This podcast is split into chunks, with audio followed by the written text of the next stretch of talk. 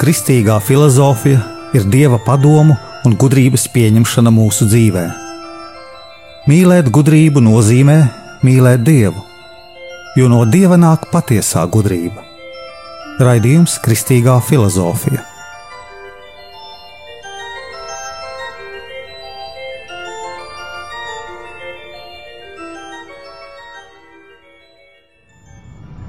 Atrodot, tad rodas ziņš cilvēkā liels tikums.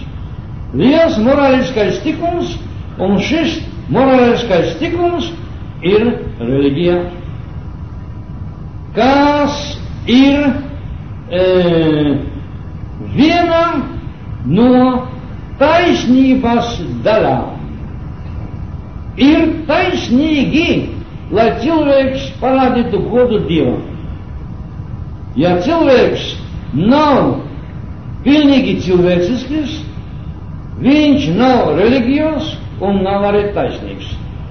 Un tāpēc pilnīgā taisnība ir tā, kad cilvēks dod, atdod godu e, visaugstākajai būtnei, Dievam.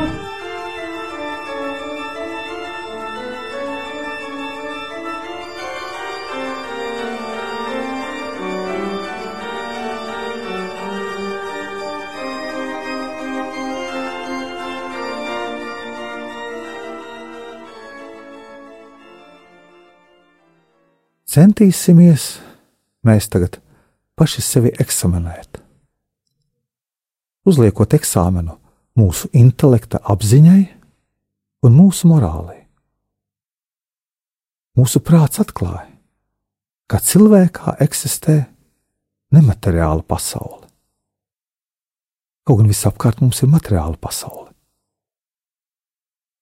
Un šī nemateriālā pasaule ir iekšēji neatkarīga no matērijas. Mēs skaidri zinām, ticīgie cilvēki, ka šī nemateriālā pasaule ir mūsu garīgā pasaule. Kā mēs varam izskaidrot to, ka kaut kas paceļas pāri mūsu dimensijām, četrām pāri mūsu telpai, laikam? Kā izskaidrot to pazīšanu, kā mēs to atpazīstam? Tā ir mūsu gribas, mūsu morāliskās dzīves, pasaules daļa, kas prasa eksistences attiecīgu izskaidrojumu. Jo mēs balstāmies no iemesla, cēloņa un citiem prātu principiem. Matērija nevar dot mums īsti garīgo pasauli jo viņa nesatur un nevar sevī saturēt to, kas būtīgi nav materiāls, kas ir daudz, daudz augstāks par matēriju. Tas ir aktus, mūsu gribu un prāta garīgos aktus. Tos mēs saucam par cilvēciskajiem aktiem, kas ietver sevī arī morālisko aktu, mūsu morāli, kā mums vajag rīkoties un kā nevajag. Matērija mūsu prātam dod uzskatu par to, kas ir materiāls, un tas nekad nevar būt ļoti atšķirīgs no matērijas. Tāpēc arī ir jāizslēdz ar prāta drošību, ka mūsu prāts izdara kā eksāmenu, ka cilvēkā ir ļoti stingra, noteikta garīga, substanciāla daļa Vienkāršākos vārdos sakot, mēs droši saprotam, ka cilvēkā ir garīga dvēsele.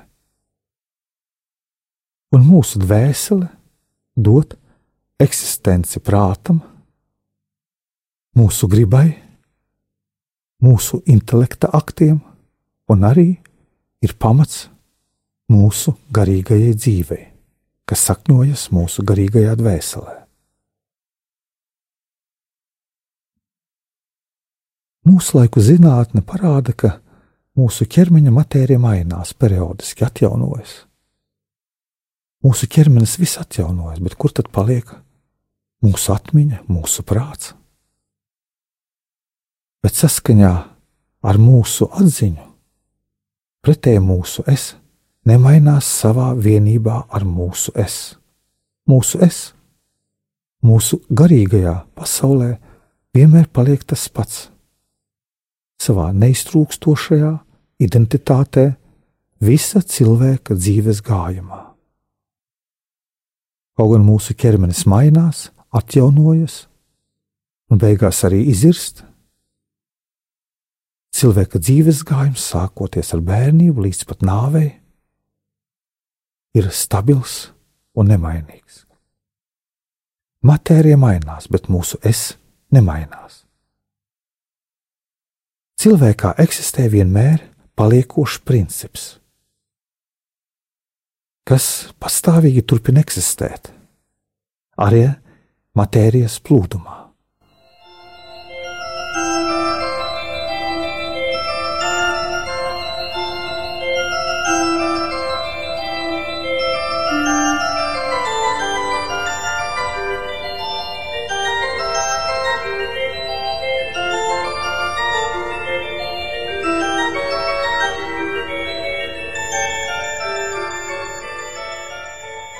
Mūsu darbība dzīvē plūst un mainās, akti mainās, bet paliek mūsu prāta apziņā, pateicoties atmiņai.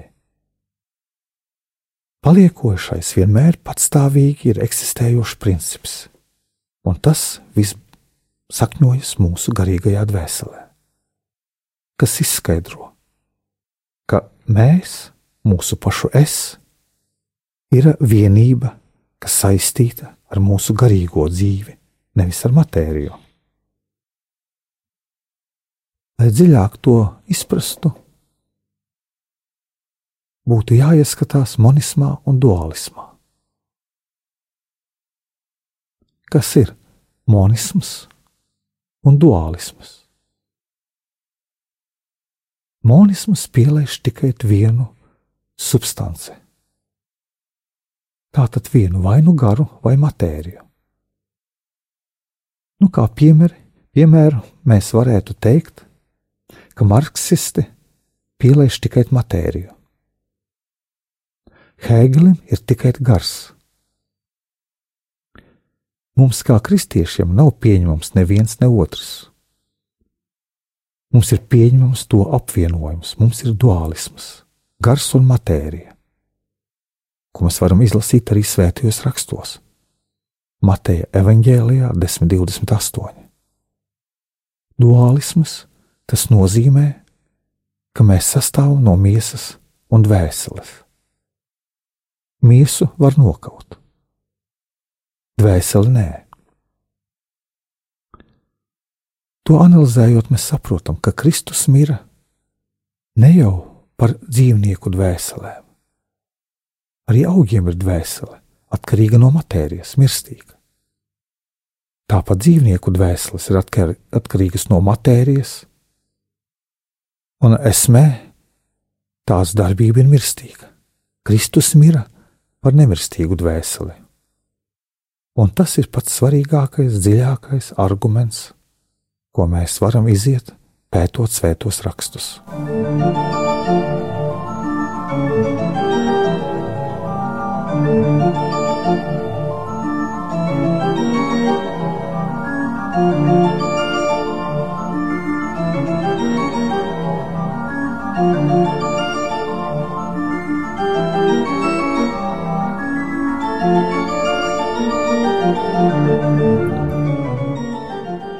Mēs pierādījām, ka mūsu es vienmēr paliek viens un tas pats. Matērija mainās, vairākas reizes gadā mūsu ķermenis atjaunojas. Tātad mūsu ir materiālā mainīgā daļa, un arī nemainīgā daļa, kas nevar balstīties mainīgajā principā. Mums ir specifisks apziņas raksturs katram cilvēkam. Un cilvēka garā nevar sakņoties pamats, kas ir matērijā. Fizioloģija nevar izskaidrot cilvēka personas vienību, un tādēļ mums jābalstās tikai garīgajā, kas ir daudz dziļāks un mūžīgs. Garīgā dvēsele veido substanciālo vienību ar mūsu ķermeni. Tāpēc mēs, sastādīti no dvēseles un miesas, darbojamies kā cilvēki. Mūsu dvēsele, būdama garīga, savā esmē, realitātē, nav atkarīga no matērijas. Un mēs, kristieši, saprotam, ka mums mirstot, dvēsele paliek. Dvēsele ir garīga un nav salikta no divām daļām. Tāpēc cilvēkam mirstot dvēsele turpina dzīvot, paliek vesela un neatkarīga savā esmē, un dvēsele paliek kā vienmēr nemirstīga, ko mēs kā kristieši apzināmies. Šī patiesība ir ļoti dziļa atziņa un viena no svarīgākajām kas liek mums aizstāvēt dualismu cilvēkā. No monisma. Līdz ar dualismu mēs redzam cilvēka lielumu, salīdzinot to ar materiālo pasauli, salīdzinot to ar ideoloģijām, kas valda pasaulē, kuras balstās uz matēriju, vai arī cenšas darboties ar matēriju, kā marksisms. Materiālā pasaule un sabiedrība irst. Tautas nozūd no zemes virsmas, bet cilvēks nē. Cilvēks un dvēsele nemirst. Tāpēc mēs nevaram pakārtot cilvēku sabiedrībai, jo sabiedrība ir pārējoša. Cilvēks, pateicoties nemirstīgai dvēselē, nepazūd. Sabiedrība ir tauta, valsts un cilvēks vai cilvēks ir atkarīgs vai nav atkarīgs no sabiedrības. Protams, mēs visi saprotam, ka cilvēks ir atkarīgs no sabiedrības. Jo, ja cilvēks būtu viens, tad mums nebūtu ne profesiju, ne interešu, ne arī kā mēs varētu darboties un attīstīt savu garīgumu. Bet šī cilvēka atkarība ir relatīva. Sabiedrība ir atkarīga no cilvēka, un tomēr cilvēks nav tik atkarīgs no sabiedrības, jo sabiedrība cilvēkam ir pakārtota absolūti. Sabiedrība ir, lai kalpotu cilvēkam. Bet, ja mēs to skatāmies no marksisma viedokļa, tad visa šī ideoloģija, kas virzījās uz sociālismu un uz komunismu, šo visu sistēmu apgriež otrādi. Tādēļ arī sociālismā un komunismā cīnījās pret reliģiju. Mēs to varam secināt. Jo cilvēks ir absolūti atkarīgs no sabiedrības. Un tas ir nepareizi. Cilvēks no sabiedrības ir atkarīgs ne absolūti, bet relatīvi. Tā tad zināmā mērā, jo cilvēks iekšēji ir ļoti liels un varens, jo mūsu universā nav citas būsnes, kas būtu apveltīta ar nemirstīgu dvēseli.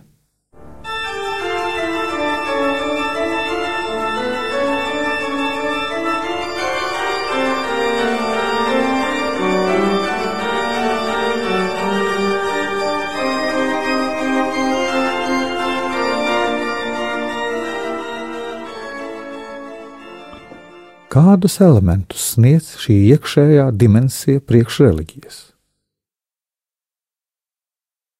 Nu, viens no elementiem ir garīgums dvēselē. Pastāvot šai atziņai, ir iespējama saistība ar mūžīgo dievu. Ja dvēsele nebūtu nemirstīga, tad nevarētu savienoties ar mūžīgo dievu.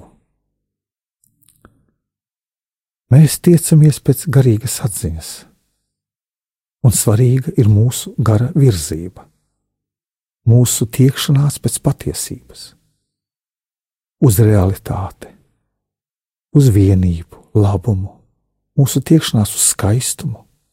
Un visbeidzot uz laimi. Šī visa ir mūsu dziņa, kas izriet no mūsu gara, no mūsu dvēseles. Šīs ziņas ir tās ziņas, kas mūs garīgi, ontoloģiski, cilvēku savieno ar Dievu, un atrast šīs ziņas ir mūsu otra piesaistīšanās pie Dieva. Šīs, šīs ziņas saista cilvēku ar Dievu, kas ir atvērtas cilvēkā uz bezgalību, neatkarīgi no paša cilvēka. Šī ir ontoloģiskā saistība. Mūsu tiekšanās uz Dievu, kas mūsos ir atvērta, neatkarīgi no mums.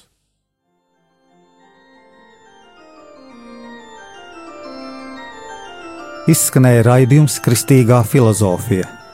Jūsu prātam, jūsu sirdī, jūsu dzīvēm